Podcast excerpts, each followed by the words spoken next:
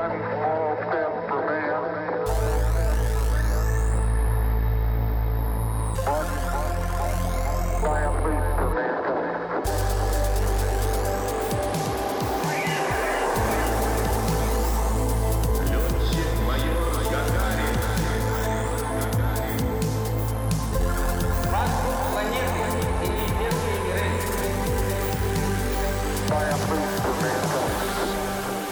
Hei og velkommen til Spacepodden Romsnak i sofakroken. Podkasten er laget av oss i studentorganisasjonen Space NTNU. Eh, Vi tar opp eh, små og store ting som kan knyttes opp mot verdensrommet for å gjøre det lett interessant å høre på. Mitt navn er Erlend Sandblåst, og jeg er host for podkasten. Og så har vi eh, min faste makker, CMO og god kompis Alexi Grisev Hallo, hallo. Eh, I dag så er dagens gjest eh, Hypso, eh, og da har vi fått med oss to gode folk som sitter rett foran meg her. De er ph.d.-studenter. Eh, det har til venstre for meg så har vi Sivert Bakken. Hallo, hallo. Jeg heter Sivert Bakken og er klar for podkast. Det er bra. Det er bra, det er bra. Og så har vi da eh, Bjørn Kristiansen. Det stemmer. Mm. Eh, Hypso de er jo eh, de helter her i Trondheim. Eh, de er rundt 20 studenter, eh, seks ph.d.-studenter, slik som dere er, og så to postdocs eh, er de. Eh, og de bruker jo da blant annet eh, Cubesets, som vi kjenner til. Cubesets, det, det, det er noe som vi kjenner godt Ja, til. det kan vi kjenne til. Og de tar da hyperspektrale bilder, som vi skal gå litt mer i dybden lenger inn i episoden. Eh, og de tolker da seg bilder her til blant annet algevekst i havet. Og, og det påvirker jo videre eksempel fisker. Og eh, det her påvirker jo igjen oss igjen. Eh, og det er jo en måte, vi, vi har jo hatt Vake her, vi har hatt Endernight. Sett litt eh, hvordan eh, du kan bruke satellittbilder, tolke dem, eh, og, og, og hvordan vi bruker det. Og her er jo nå en ny måte å bruke det på. Så Jeg merker, jeg merker jeg bare gleder meg allerede, Ellen. Mm. Så det er, ja, det her blir bra.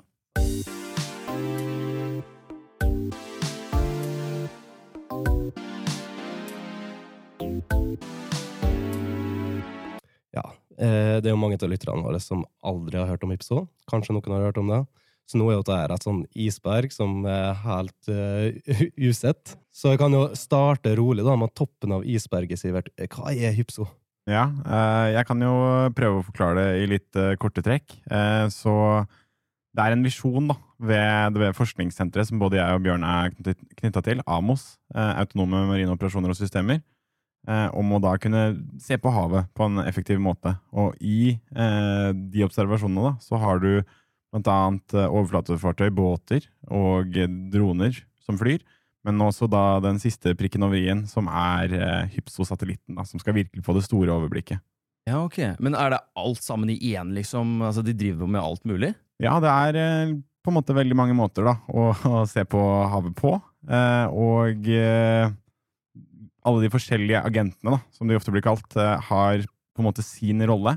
Hvor da eh, Hypso-satellitten eh, skal være den som får overblikket, og kanskje kan da sende den informasjonen til de agentene som er lenger ned i observasjonspyramiden, hvis du kan kalle det det. Det, det høres bra ut. Ja, ja. Altså, liksom, eh, nesten sånn som maurtue, da, der alle maurene har litt forskjellige Ja, ja, ja, ja. Mm. Men hvem er det som er på en måte med deg hovedsakelig? Hvor, hvor, hvor på en måte kommer alle de smarte folka til å jobbe med det her? Oi. Eh, nei, det er jo veldig, veldig mange eh, PhD-er og postdokker som er knytta til det forskningssenteret. da. Mm -hmm. Eh, og eh, alle de jobber jo med hver sin på en måte agent eller sitt formål. Eh, og i, i Hypso så rekrutterer vi jo på en måte masterstudenter og bachelorstudenter og eventuelt ph.d.-studenter når vi kommer til det. Men, men vi tar jo imot alle som er engasjerte og har lyst til å jobbe med kul teknologi. da.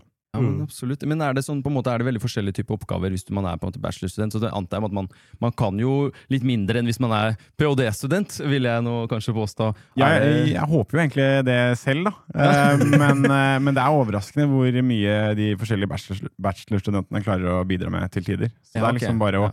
Finne den rette oppgaven, gitt bakgrunn, og, og uh, druse på, vil Ja, jeg si. ja, ja. Men hva slags type linjer og sånn? Altså, jeg, jeg, jeg studerer jo siste året nå eh, innenfor datateknologi. da. Ja. Autonome kjøretøy og den fronten der.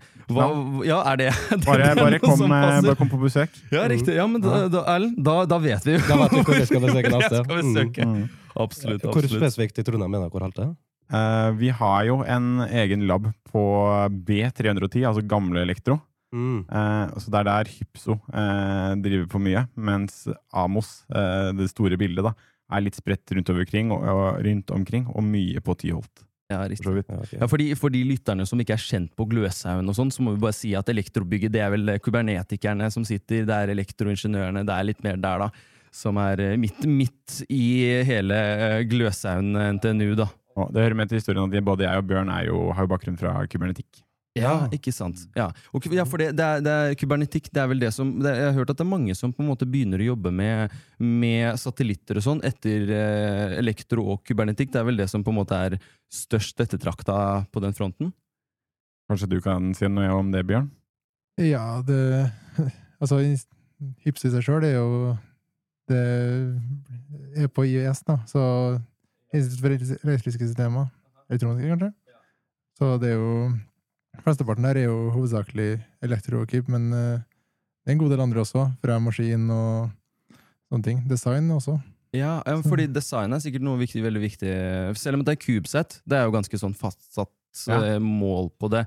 Hvordan sånn designmessig kan man gjøre så mye endringer på ting der, eller er det Eh, altså, CubeSats holder seg jo til en formfaktor, mens eh, det de to designene vi hadde, eh, så på, var jo hvordan operasjonsrommet kan utvikles for at uh, de som skal faktisk styre satellitten, ikke på en måte faller ut av oppgavene sine og klarer å få med seg de viktige meldingene og klarer å ta de rette avgjørelsene da, gjennom det grafiske brukergrensesnittet som er tilgjengelig. riktig så operasjonsrommet her på jorda, da, antar jeg? Ja, ja absolutt. Riktig. Ja, for det, det er sånn som vi snakket med Siris. De har jo det Ja. kjempestore operasjonsrommet som de også kaller det, oppe på Dragvoll, av alle steder. Mm. Og Dragvoll er jo et sted som, vi, for de igjen som ikke er veldig kjent med, med NTNU og Gløshaugen og Trondheim her, så er Dragvoll der hvor det egentlig er minst ingeniører som studerer.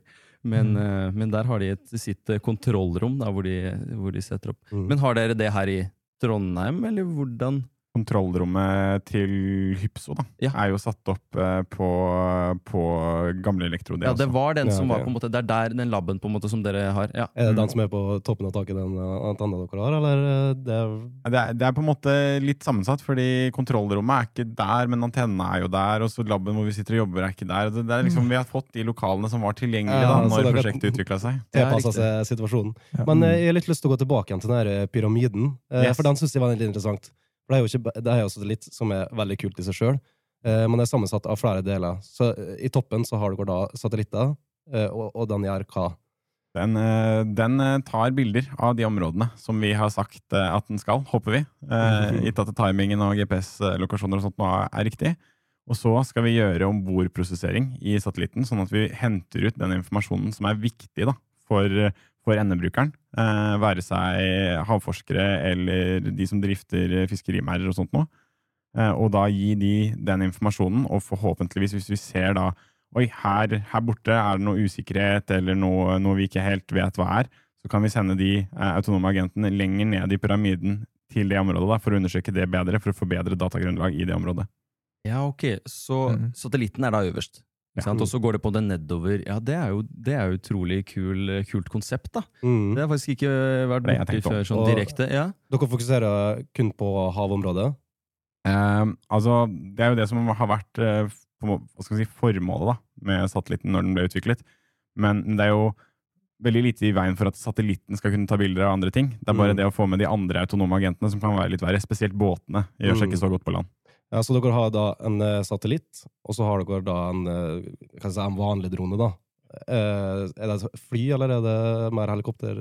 Eh? Ikke sant? Nå, nå har du beveget deg litt vekk fra, sånn en millimeter vekk fra der jeg eh, sitter og jobber. Så det er litt sånn, Ja, ah, jeg, jeg har sett noen bilder. Det er, jeg tror det er uh, UAV-er med, med liksom droner. X8-flyene er ofte brukt, eh, Ja, hvis det sier okay. noen noe som helst. Eh, eh, Så- ikke sånn veldig mye, jeg er ikke den flypersonen, men du Erlend, har jo på en måte drevet litt med, med litt sånn glideflyving og litt Ja, sånt, men du jeg er kanskje ikke Driver jo på med seilflying på sida, men Det eh, er er jo helt i droner som er piloten, veldig analogt. Men eh, jeg kan jo litt om flyging, ikke så veldig mye. Nei, riktig. Uh, men ja, eh, så, ok, så da har uh, satellitten har funnet ut her er noe vi vil se på. Og så kommer uh, hva, var- hva var dronen sin spesifikke oppgave eller i forhold til det satellitten ikke fikk til? da? Ja, eh, Dronen er jo mye lenger ned i, i atmosfæren. Så så da er det mye mindre atmosfære da, som kan ødelegge det signalet, eller bildet, da, som kommer fra, fra havet. Ja, med sånn Så- irriterende sky som bare Ja, for det- eksempel. Mm. Ja, men Kan dere egentlig slå igjennom det, så dere tar hyperspektrale bilder? Ikke med den type bilder vi tar. Da, okay. da må du i andre steder av det såkalte elektromagnetiske spekteret. Ja. Det er liksom synlig lys vi ser på, da. Ja, ikke ok. Så man må absolutt ha helt klar himmel eh, for å kunne klare å se gjennom Ja. eh, ja. Så det er ikke sånn som typ, eh, man kunne gjort med en radar, liksom, som bare Nei. går gjennom alt. ikke sant? Nei, for radar er jo en annen del av det elektromagnetiske spekteret. Absolutt. absolutt, ja. Nei, men, men i forskjellen på en måte sånn det at eh, kamera, vanlig kamera, det, tar vel, det er vel tre altså sånn rød, grønn og, og, og blå som den tar inn av farger og sånn, men eh, hovedsakelig deres på en måte hyperspektrale, hva, hva er det for noe? Tar den tusenvis av millioner av andre ting, eller? Ja, det hadde, det hadde vært noe. Det, men eh, den er eh, på en måte Har, har dere sett eh, Pink Floyd-albumet? ja, Det ja, med ja, ja. prisme? Det er, Riktig. Det er sånn det fungerer, at du får lys inn, og så sprer det de forskjellige fargene utover. Og så er det, hver Ah. piksel er liksom da knytta til én sånn eh, bølgelengde, da, eller farge. Ja, okay. Og når du Altså, menneskeøyet har på en måte tre eh, Hva skal man si? Mottaker, Staver. Ja. Men de, alle de tre fargene, ja. Ja, ja, ja, som, ja. som er liksom sensitive mot rød, eh, grønn og, og Blå, blå, ja, og, blå og så fanger den opp litt imellom der, fordi den, den er ikke liksom Det er, det er ikke spist, eh, det sensitivitetsområdet. Det er liksom spredt litt utover. Mens med den type sensorer da, som vi har om bord i satellitten, så kan du fange opp alle de fargene imellom også. Ok, Men hva er på en måte poenget med det? Er det bare for å få mer data? Mm. For å få liksom mer info fra Men hva, hva trenger på en måte den, den dataen? Hvordan, hvordan bruker man den? Det er, det er jo et veldig typisk eksempel da, når man begynner å snakke om hyperspektrale bilder, at man har fire eh, planter, grønne planter ved siden av hverandre.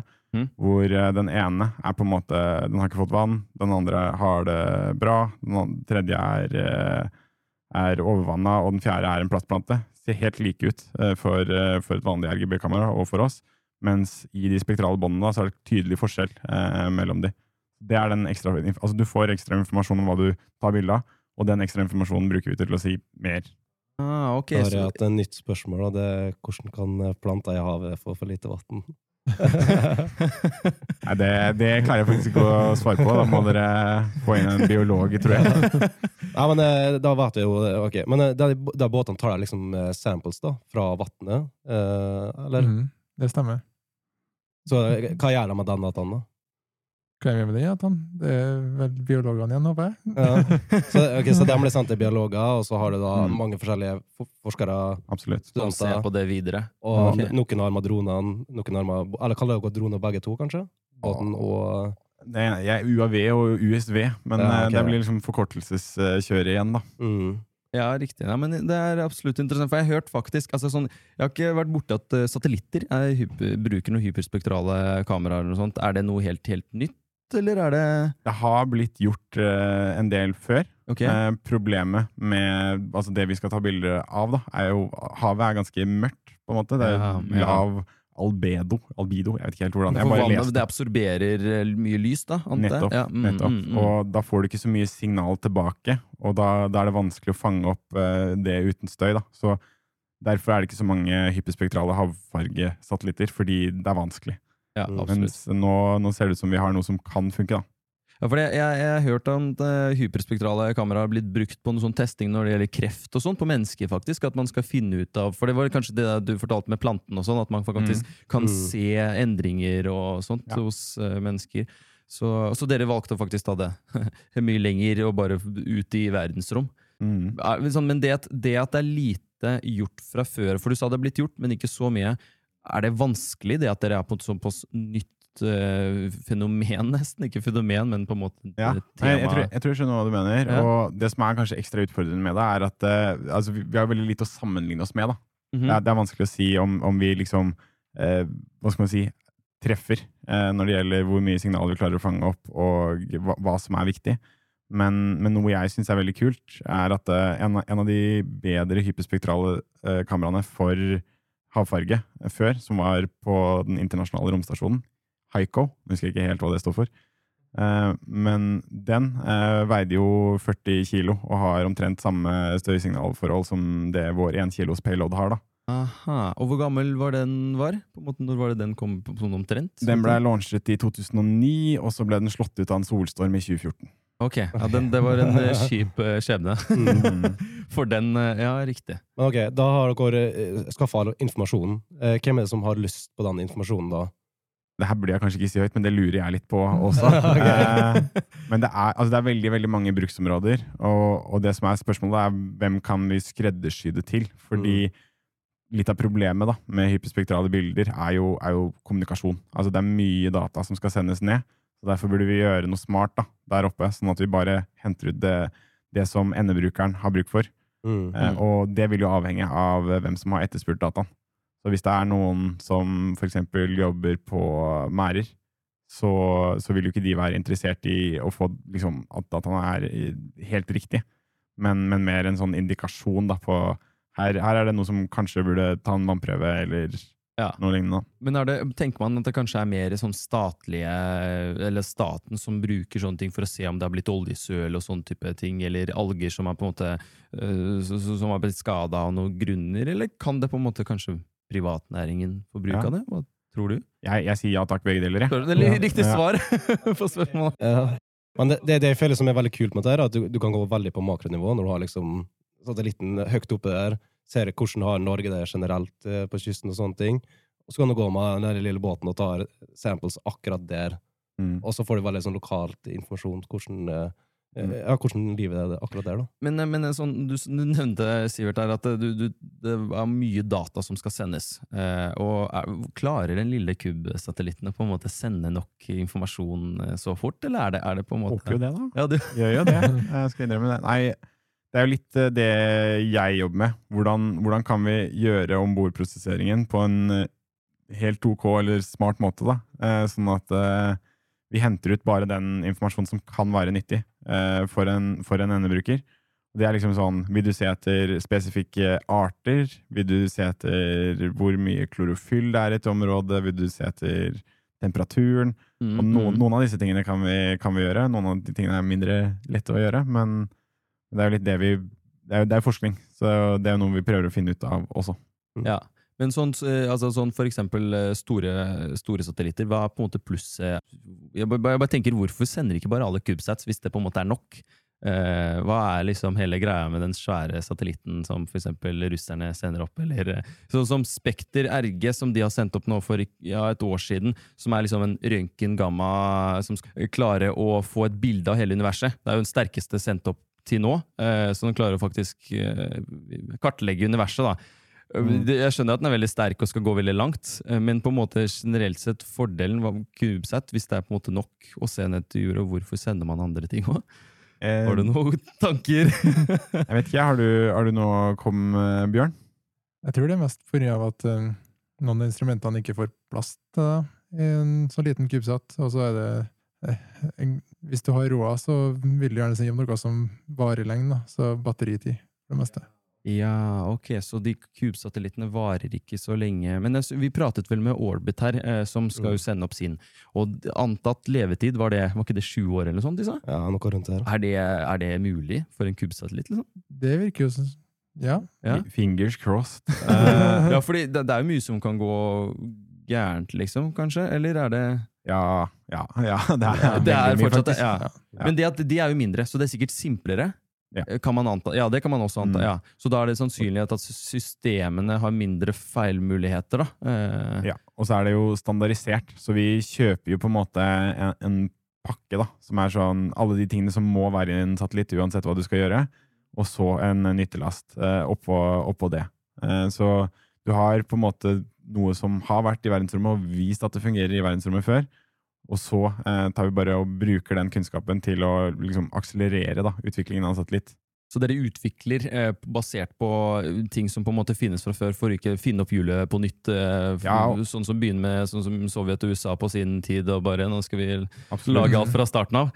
Og kjøper deler, da. Ja. Kjøper deler fra, fra folk som sier sånn Våre kubesatellitter har vært i verdensrommet, det fungerte så så bra vil dere ha eh, bussen. Muligheten. Ja, ikke sant. Og mens vi er inne på ting som er kube, det er jo ikke bare satellitter vi kan lage kube av. Eh, og eh, da går vi videre på det. Vi har fått vårt første lytterspørsmål.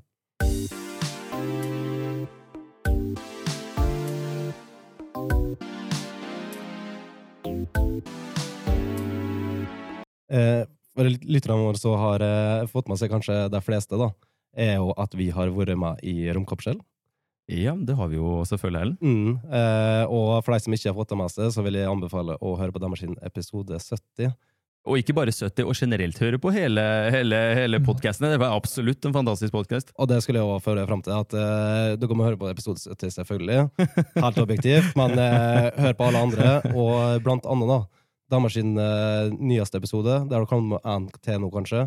Men uh, episode 94 så snakka de blant annet om eh, Cube Rovers og eh, Viper. da.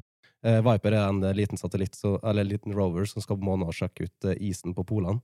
Eh, og med introen til det så kom det med et lite spørsmål til oss. Så la oss lytte til dette her. 1202. Her ser jeg for meg at det nå sitter en liten gjeng med folk et eller annet sted oppe på NTNU etter space-greiene der oppe. Hei, dere i Space NTNU. Har ikke dere egentlig tenkt pønsker på noe greier. Ja, det, det, så et eller annet sted bak i hodet mitt nå så ringer det en bjelle som sier jeg mener å ha hørt at det er noen i Norge. Altså CubeSats vet vi at de har jobbet med, for det har vi snakket om. Og selfiesat. det Og så det, så dette er, det, det er de allerede i gang med, med, det er kjempekult. Men, en, men, men altså, dette med en Cube Rover til månen, det må da være det. Og hvis det er det, så bare si fra til oss. Da bare minn oss på det, så må vi jo snakke om det. For, Er du gæren? for dette er kjempekult. Altså, igjen, det aller beste med det er at det er lave kostnader. Og her setter vi jo da, en gjeng studenter på Space NTNU. Og, og, snakker snakke med, med, med folk som faktisk lager eh, holdt på å si kuber over allerede, men kubesatellitter og greier. Mm. Men sånn, som bare for å nesten svare med en gang litt på spørsmålet mm, til, til rom, eh, Erik her, og, eller romkapselen eh, Vi utvikler jo ikke altså sånn, På NTNU da, så er det vel ikke noen Cube-rovere, eh, enn så lenge jeg vet, i hvert fall. Men, eh, men jeg, tror, eh, jeg tror det er absolutt noe som kunne vært en ting. Altså Hvis det faktisk Og blir Hvis det blir Eirik og Nils Johan, så vil dere få beskjed veldig fort. Eh, Ja, det, det, blir, det, det, blir det absolutt. mm. Og da tenker jo sånn Ypso-gutta her, hva, hva tenker dere om Cube-rovere? Er det, er Har det dere hørt ting? om det?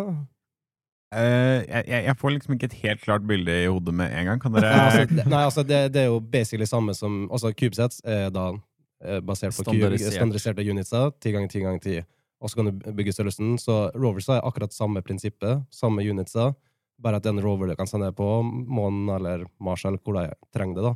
Så det er jo samme fordelene. Du har bi- bi- billigere kostnader, du har en standardisering, du kan teste ut sånn veldig spesifikke ting, da. Uh, og det, Og det er billigere på en måte av den fronten. ja, da, ja. så jeg kan, hvis du ser for deg da, uh, om noen år, så sitter noen studenter og styrer en liten rover på månen. Det hadde jo vært dødskult. ja, ikke sant? Ta Mm. den der lenger. Men hva tenker dere at det er en ting som kunne fungert faktisk, sånn i praksis? Eller er det Nei, alt er mulig med kul teknologi. Eh, men, eh, men jeg vet ikke det, det må jo være noen som tør å satse, da. Tro Mm. at det er eh, en god, god idé å få en god use case, og så er det vel Altså, jeg, jeg ser ikke for meg noen sånne begrensende teknologiske faktorer. Hva, hva vil du si, Bjørn? Nei, jeg vil ikke tro det. Jeg kjenner ikke så mye til roverne, men jeg vil jo tro at det kan være standardisering for dem også. Mm. For det, det eneste forskjellen blir jo da faktisk når du skal sende den opp. Altså Skal de sendes opp som en sånn haug med rovere, og så bare sendes ut samtidig som sånn maur fra en liten maurtue? Altså, ser jeg for meg at det kanskje må sette inn litt sånn lover og regler. For satellitter så kan det jo brenne opp i atmosfæren. Ja. Men alt du sender på månen, vet ikke helt eller reglene og sånn rundt det. ja, Månen er ganske stor, da. enn så lenge så har man ikke Ja, altfor mye som driver og kjører. Men jeg, men jeg eh, tror det er akkurat det at eh, For månen er jo annet av de tingene Eller verdensrommet er jo Det er litt åpent for alle. Alle kan bruke det. Det er ingen som eier det. Så eh, Nei, men eh, Romkapsel. Vi vil gi dere beskjed om det kommer noe, men vi har mange cubesets, eh, slik som hipsoff for eksempel, og selfieset. Så kanskje det blir neste selfie-roveren.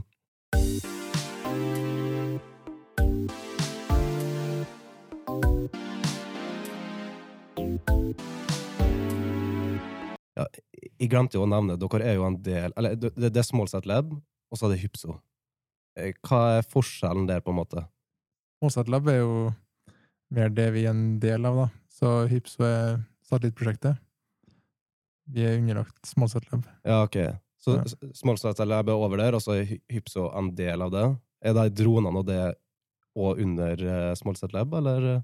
Nei, de har en egen UAV-lab, eh, faktisk. Eh, så det er, det, er på en måte det er et samarbeid, men vi sitter og jobber litt hver for oss. Og det, det kan jo være en utfordring i seg selv, men jeg føler gjennom det forskningssenteret, da, Amos, så, så får man en plattform til å snakke sammen og tenke, tenke litt det store bildet.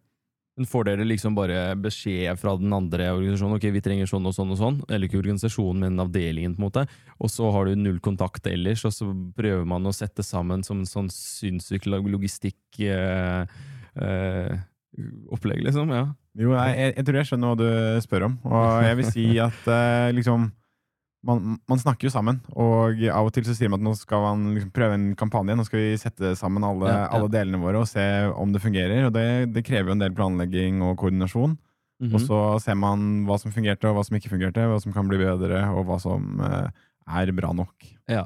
Så, det er, så per nå så vil du jo si at det fungerer, eh, enn så lenge? Ja, i hvert fall eh, alle leddene i pyramiden. Vi mangler jo fortsatt å teste skikkelig den satellitten som ennå ikke er skytet opp. Ja, Men- for det, det, var, det, det er et spørsmål som på en måte Jeg regner med alle sitter med her. Er, er, den er ikke eh, oppe i verdensrommet ennå. Det er den ikke ennå. Det er den ikke. Ja, nei. Okay. Når, hvorfor? Når skal den opp? Hva? Eh, det, det var en sånn pandemigreier. Det gjorde det litt vanskeligere. Eh, det var mye, mye som ikke gikk som planlagt da. Eh, og så er vel planen nå desember, eh, tror jeg. Så det er Allerede desember? Relativt, eh, relativt nærme. Det er jo veldig snart. Så på nyåret da, så vil du se en, en liten ny satellitt oppom og Så jeg regner med de som hører på denne podkasten rundt desember og januar, kan jo sikkert følge med på oppskytingen og alt det der. Hvor skal det skytes opp? I California. En plass. Ja, ok. Så det er. SpaceX, eller er det NASA? ja. Ja, det er SpaceX. SpaceX, ja. Det er jo flott å liksom slenge på at eh, ja, vi blir skutt. Det var Ja, SpaceX. ikke sant? Det er jo dødskult. Fordi det er i likhet med Orbit, eh, Orbit Mm. NTNU, der de også selfiesaten deres som vi snakket med i, om i, i en tidligere episode her, Ja. eh, de også skal jo opp i eh, SpaceX sin Falcon 9, så vidt jeg jeg Ja, jeg mener på det. Var det. Ja. Mm. Men er det, skal den også være, ettersom det er CubeSat, en del av den eh, bussen på en måte som sendes opp, eh, som jeg nå ikke kom på navnet på? Men den der hvor du på en måte har masse CubeSats, og så sendes de bare ut i spesifikke baner. Ja, ja, ja, jeg vil tro det. Jeg håper ikke vi betaler for hele launchen. Det hadde vært ja, den, lille CubeSaten Ja. som skal Ja, opp. For det, eh, for det er jo en, en av de store fordelene med en kubesatellitt, er jo at du betaler for en liten brøkdel del av den ja. turen. Du er ikke den store, tunge, flere tonn-satellitten, men du er en liten del av det som mange andre kubesatellitter er med på. Mm, mm, Så mm. da får du jo utnytta mye bedre. Hvor mye koster en sånn launch, sånn cirka? launchen spesifikk, eller altså, Ja, altså mm. selve launchen, altså, er det snakk om eh, titusenvis? Er det millionvis? Er det titalls millioner, eller Ja, ja. har du en tall på du, Hvis du ikke vet, så vet du jo ikke, eller Jeg er ikke sikker, det er men det er et eller annet sted mellom én og ti, tipper jeg. Ja. Hva tror du, Bjørn? Ingen anelse, dessverre. Det, er, eh, det kan være billig, det kan være dyrt. Ja, vi bare regner på ting, vi. Ikke Ja. noe Ja, for økonomi, i hvert fall. Ja, for det er det. på en Mm. måte Har det en hel avdeling som holder på med alt av liksom, skal si, outreach eller management, eller sånt, eller er dere det alle altså personer som gjør alt i organisasjonen? Ja, litt, litt ja, begge deler. Sånn, eh, de som har på en måte, eller får energi da, eller har overskudd eh, til å drive med outreach, gjør gjerne det, men det er ikke alltid like lett, og så plutselig så går det på kostning av andre oppgaver. Så vi kan jo selvfølgelig ha nytte av å ha en eh, chief man nei, marketing officer, vi også. Ja, riktig. Men eh, Få litt dag eh, ekstra markedsføring og promotering, så det er eh, litt fokusert, Ja, ikke sant? ikke sant? Ja. Men det, det er jo på en måte Jeg føler det er alltid viktig med mm, sånn alle, et, et team. Jeg tror vi nevner det hver eneste Ja, gang. det er så men, ja, så hver gang. Men et team er liksom noe av det alfa og omega. Eh, altså sånn Det teamet man har av folk som jobber sammen. Og det er absolutt utrolig bra å ha eh, veldig gode studenter som innenfor eh, tekniske ting. Men eh, det er jo alltids bra måte, når det gjelder logistikk, f.eks. Mm. Eh, når du skal på en måte sette sammen alle de som du forteller avdelingene og delene, og at ting skal fungere, eh, så er det absolutt eh, kan jeg si, veldig viktig eh, det der. For det er jo bare et, et godt eksempel på ting som kanskje ikke gikk så planlagt. Det er jo den sovjetiske N1L3-raketten som skulle opp til, opp til månen, som var på en måte kontra Apollo. Og de var jo egentlig nesten helt på, på lik linje. Altså, den skulle egentlig ut til månen før, før amerikanerne, men på grunn av en ganske mye feil når det gjelder denne logistikken mellom store avdelinger, eh, så klarte de å ikke bli enige om eh, faktisk antallet rakettmotorer. Eh, Så det ble et ekstremt stort antall rakettmotorer som førte til at raketten tre ganger prøvde, prøvde å skytes opp. Hver gang ble, ble eksploderte, enten nede på bakken eller allerede høyere oppe. Og det er, det eksempelet med Jeg husker ikke helt spesifikt om det var satellitt eller rover, eller om det bare er en myte, for alt jeg vet. Men eh, det var to avdelinger der en ene brukte jeg tror det var amerikansk, som brukte da inches, og, eh, så- altså har du deg som brukte meter, og så rett inn i krasja. Ikke sant? Ja, og det er absolutt en sånn ting eh, med det med team, logistikk, hvordan ting fungerer, er absolutt en veldig, veldig viktig del. Da. Så det er veldig bra å se at, eh, eller i hvert fall som dere forteller, at det faktisk fungerer hos dere. Mm. Det blir absolutt spennende å se når, det blir, når den blir ute og, og, og, flyr i verdensrommet. Da. Mm. Mm. Det er veldig sant. Men, det, dere sitter jo nå og skriver begge to. Eh, Doktorgraden deres. Hvor langt inne i løpet er dere nå? Mm, jeg har vel måneder igjen. Mm. Det er to år igjen. To år igjen. Så du har akkurat begynt, da? Jeg har brukt to år å lese. da. Ok. ok. Hvis du har pliktarbeid, så har du et år ekstra. Ja. Normert er jo tre år. Ah, riktig. Okay. Så hva, hva skriver dere om? Du, Sivert, kan du begynne? Eh, Jeg har skrevet om eh, mye rart eh, opp igjennom, men nå begynner det å ta litt form og ser ut som jeg skriver da om hypso. Eh, ok, så du skriver om det du jobber om? Ja, du ja, jobber ja. med. ja. Så, som konsept, og så har jeg liksom utforska litt forskjellige eh, algoritmer, da, eller måter å prosessere dataen på om bord i satellitten for å, for å få ut den informasjonen som er viktig, og hva, hva, hvilken, effekt, hvilken effekt er det de forskjellige prosesseringsalgoritmene har. Og så har jeg sett litt på hvordan er det vi egentlig har utviklet programvaren vår, hvordan er det vi har testet den, og hvorfor har vi gjort det, hva var, hva var lurt, hva var dumt, hva burde man gjøre mer av, hva burde man gjøre mindre av. Riktig. Hva var det som på en måte fikk deg til å både begynne i Hypso og, og skrive om dette her? Er det, var det helt sånn 'oi, det her var spennende', eller har du tenkt på det her lenge? Jeg, eh, det er åh, det, det er litt flaut å innrømme, men eh, det var eh, en, eh, en foreleser, Tor Inge Fossen, i faget fartøystyring, som sa at de hadde fått funding for veldig mange ph.d.-studenter, så nå kan alle bli ph.d.-student. Og da tenkte jeg da kan jeg bli ph.d.-student. Så bra, det er Og jo så har det bare balla på seg derfra, egentlig. Da, Men hvordan valgte du det temaet, på en måte? Var det Det var det første som dukka opp. ah, Nei da, det er, det er litt, litt sleivete sagt. Det var, det var eh, noe av det som var- virka mest eh, interessant av det som dukket opp. Fordi jeg skjønte ikke helt hva det var. Det var mye sånn, det var satellitt, det var kult. eh, Og når jeg var hos foreleser og lærte mer om det, så var det sånn Det, her, det kan være noe, da. Det kan bli ganske kult, selv om det er veldig, veldig i startgropa nå. Det er ikke et etablert forskningsmiljø på det. Var i hvert fall ikke når jeg begynte, mens nå begynner vi å faktisk kunne litt ting og har lært av våre feil allerede. Mm. Og det var godt i gang når du på en måte Eller som du sier, det var kanskje ikke så godt i gang, men hvor mange år er det det hadde fantes, liksom? Hypso? Hypso? Ja, når, når du på en måte starta, var det, var det relativt godt etablert? Som, Et sånn- år, kanskje? Ja, ok, Så det var helt nytt når du starta? Yes. Okay. Og da var det sikkert betydelig mindre antall mennesker? Eh. Ja, det var, eh, det var mindre orden og mindre langsiktige plan, men eh, veien blir jo litt, litt til mens man går. Og Ja, jeg synes absolutt. vi har Det har funnet oss vi en merka her òg. Det, det tar litt sånn veier her og der, og merker vi bygger oss bygger Man bygger seg opp eh, sakte, men Mm. sikkert. Men du kan si det er, det er på en måte en startup, ikke sant? Eh, Hypso. Ja, nei, eh, nå, jeg blir nervøs av ordet startup. Det høres ut som mye, mye ansvar, men det er vel kanskje det, ja. Ok, Mm. så, Men hva, hva, er det, hva er det ellers skulle vært? Er det mer forskningsprosjekt, på en måte? Ja nei, Jeg vet ikke helt hvordan jeg skal svare på det. Jeg, jeg ser jo på det som en sånn kul mulighet til å se hva som er mulig å gjøre med denne type kameraer. Og så tenker jeg ikke så mye på økonomi og hva, hva man kan tjene på det og den slags. Det, det får noen andre ta seg av. Det må jo være veldig veldig praktisk, da. Bare gro den eh, interessen. Eh, så må vi gå til Bjørn, hva du eh, skriver om. Optimal regulering av orienteringa til satellitter.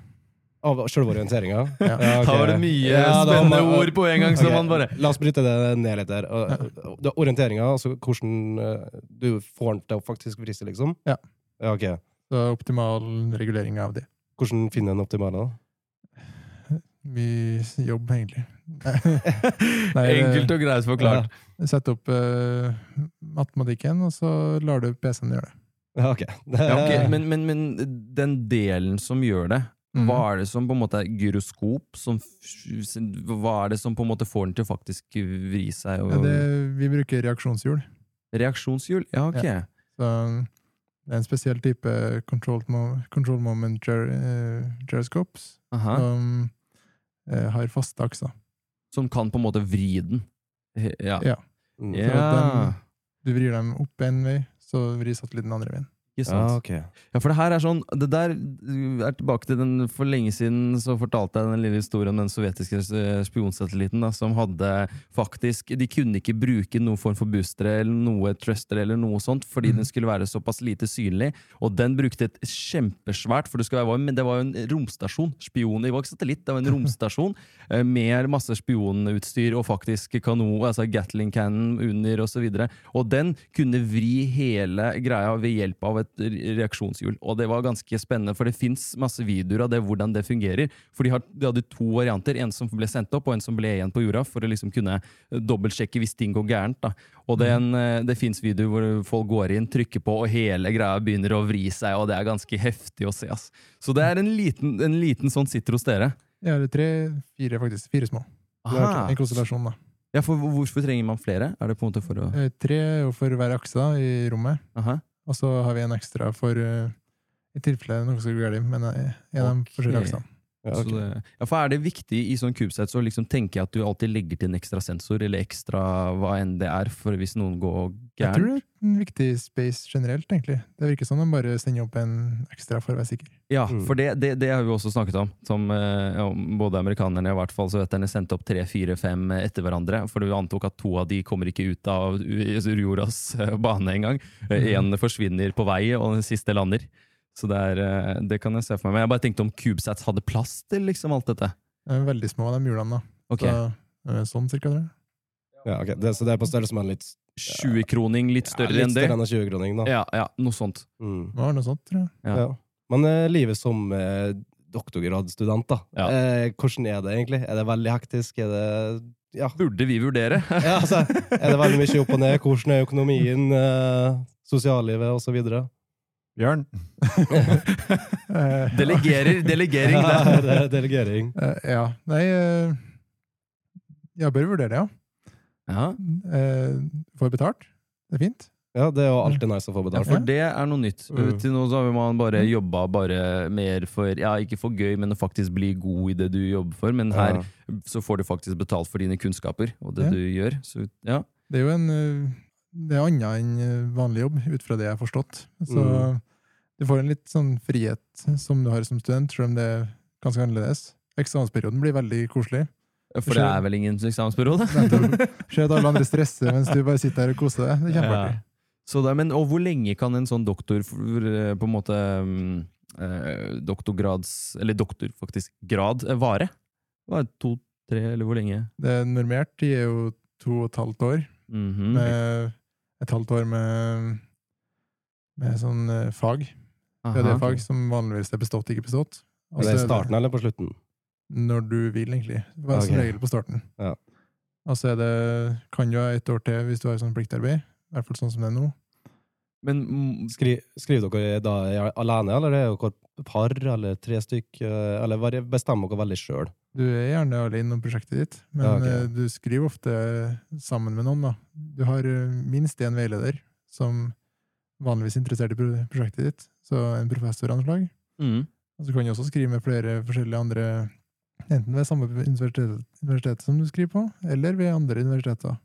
Så Ah. starter dere dagen da med å jobbe litt, kveldstid sitte og skrive litt, og så har dere litt sånn kontakt med veileder, har litt kontakt med de folkene på jobb i hermedegn. Ja, Eh, vi, vi prøver bare å se for oss liksom sånn de, de lytterne som kanskje har lyst til å bli doktorgradstudenter og, og, og, og er liksom på sin bachelor eller master eller hva enn der.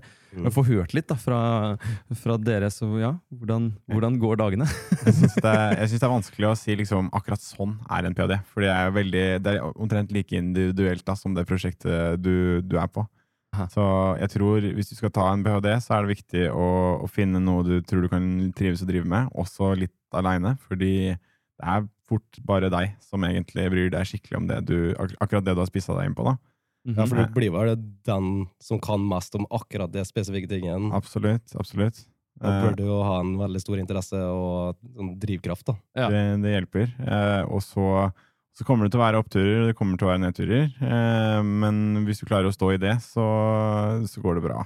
Men må du drive og være liksom eh, foreleser og sånt òg, eller? For jeg har alltid sett liksom mange av eh, mine, eh, mine timer, i hvert fall sånne øvingstimer, så var det alltid en ph.d.-student som var innom og sånt. Er det Det er det pliktterapi i så fall, da. Hvis du er I hvert fall sånn som det er på KIB, så hvis du er Vitas tre år, så får du ett år ekstra med å skrive på.